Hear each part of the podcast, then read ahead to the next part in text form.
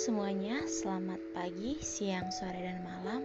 Kembali lagi bersama aku, Marsha Ayu Rizkika Atau kalian bisa kerap panggil aku aja Kali ini kita akan membahas seputar akhir tahun di tahun 2021 Pada tanggal 31 Desember 2021 ini Kita telah menempati hari terakhir di mana kita berada di tahun 2021 ini. Oke, ngomong-ngomongin soal tahun 2021 pasti ada ya titik di mana kita di atas, titik di mana kita di bawah, dan di antaranya. Aku mau cerita sedikit terkait tahun 2021 ku ini campur aduk. Ada fase senang, bahagia, sedih, kecewa, dan masih banyak lainnya resolusi di tahun 2021 yang gak kucapai adalah menjadi mahasiswi kedokteran. Namun pada dasarnya aku keterima di fakultas dan di jurusan Gizi, Fakultas Pendidikan Olahraga Kesehatan di UPI Bandung. Ya, mungkin itu bukan suatu kebanggaan untuk beberapa teman-teman yang pejuang kedokteran, namun bagi aku itu sebuah kebanggaan karena aku percaya kalau Tuhan takdir Tuhan lebih tepatnya itu lebih apa ya lebih sesuai dengan diri kita dibanding apa yang kita harapkan gitu. Kadang Tuhan menempatkan kita di suatu tempat yang di mana kita bakal sukses di situ. Dan aku percaya kata-kata dibandingkan apa yang kita harapkan apa yang kita cita-citakan yang Tuhan berikan itu lebih indah. Dan itu benar pada tahun 2021 ini aku mendapat istilahnya mendapat banyak pengalaman menjadi moderator di sebuah acara, MC sebuah acara, bahkan menjadi motivator, menjadi pembicara di suatu acara juga. Terlebih khusus pengalaman lomba-lomba yang sama selama ini gak aku bayang-bayangkan dan gak kepikiran gitu. Buat teman-teman tetaplah percaya apa yang Tuhan beri kepada kamu. Kita memang sebagai manusia hanya berusaha, tapi pada dasarnya apa yang Tuhan berikan itu justru lebih manis. Memang kenyataannya pahit ketika kita ketolak universitas tertentu, jurusan tertentu, tapi percayalah, apa yang Tuhan beri itu justru lebih manis. Lalu pada tahun 2021 ini juga banyak sekali aku ditimpa masalah. Ya, semua orang pasti ada ya kodratnya kapan mereka berada di atas tadi, kapan mereka di bawah, dan kapan mereka di antaranya. Ketika aku berada di bawah, pada tahun 2020 itu aku hanya memiliki satu teman, dan itu pun temannya di luar kota dan itu pun itu jarang. Dia bisa berkomunikasi denganku karena dia sibuk dengan kuliahnya. Tapi dia selalu nanyain gimana kabar? kayak gitu. Atau gimana keadaannya? Memang anaknya kadang gak peka atau kadang bi biasa aja bodo amat. Tapi sebenarnya dia peduli. Dan tahun 2020 aku saat aku gap year aku ngerasa sendiri gak ada yang jadi temen aku. Pada fokus semua kuliahnya. Pada fokus sama impiannya. Pada dasarnya ketika mereka membutuhkan aku aku selalu, akan selalu ada buat mereka. Tangisan. Kekecewaan. Kelumpuhan hati. Itu di tahun lalu.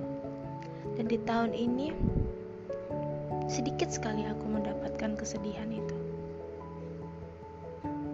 Terima kasih ya Tuhan. Aku tahu Engkau sayang pada hamba-hambamu, termasuk aku. Aku bersyukur bisa digizi, karena masih berkaitan dengan kesehatan. Dan pada tahun ini pun juga aku keterima di banyak perguruan tinggi negeri maupun swasta dibandingkan pada tahun sebelumnya. Dan pada tahun ini aku bertemu dengan orang-orang baru, mendapat insight yang baru. Night is change. Malam per malam kian berganti.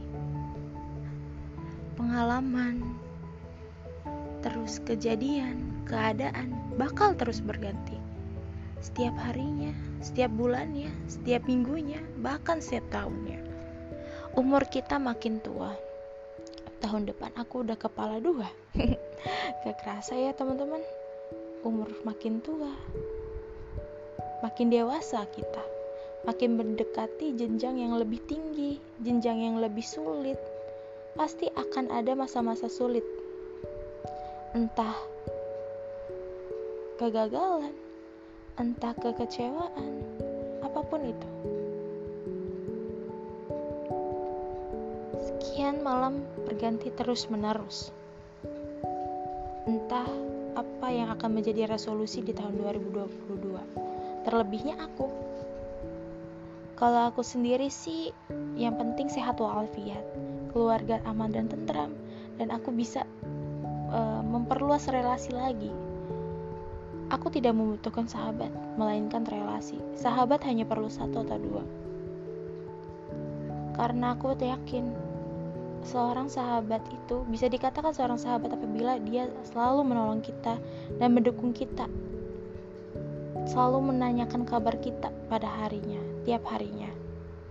Bukan orang yang munafik di belakang kita, bukan orang yang bakal ngejelekin kita di belakang kita bahkan yang sampai ya menyembunyikan sesuatu dari kita. Paham, semua orang pasti ada titik lemahnya, ada titik baiknya, kekurangan dan kelebihannya masing-masing. Begitupun juga aku. Mungkin aku melihat teman-teman pada bersirkel, pada akrab satu sama lain, dan aku masih di orang yang sama. Karena aku yakin mereka bisa menjadi sahabat aku ketika mereka selalu ada buat aku. Begitupun juga aku ke mereka. Memang itu rumit.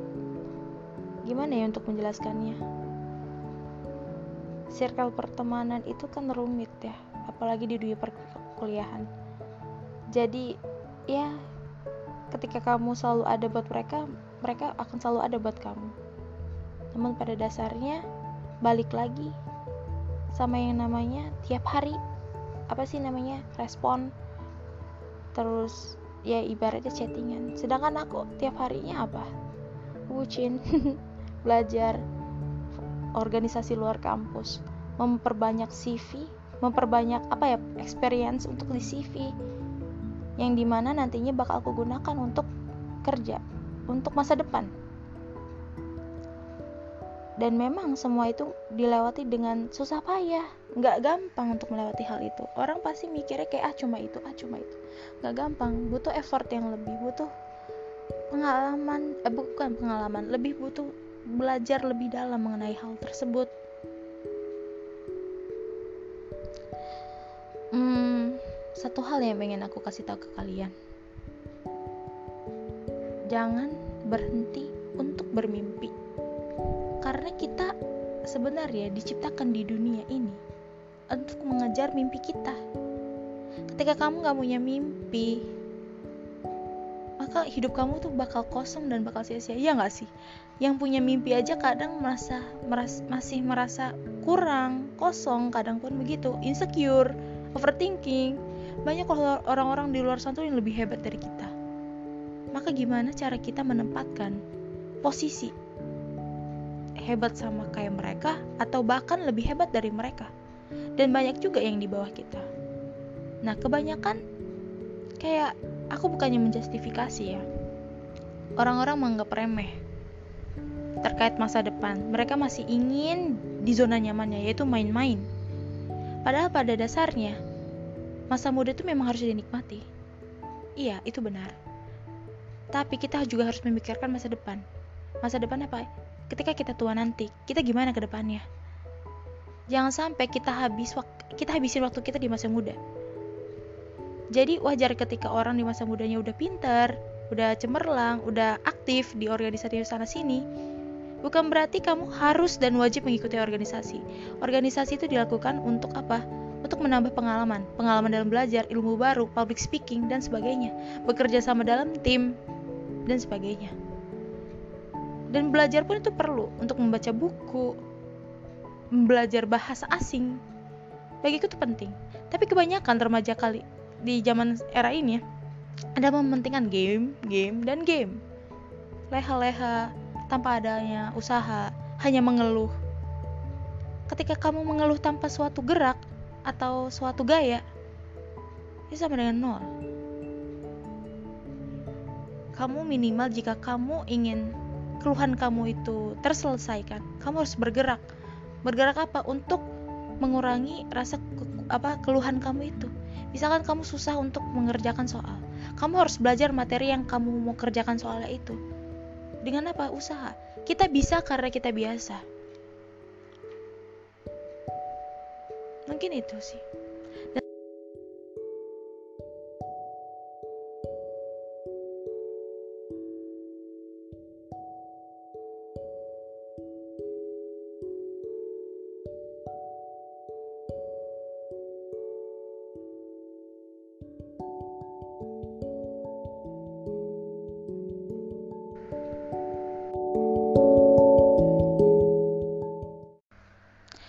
mungkin untuk bincang-bincang santai dan sekaligus apa ya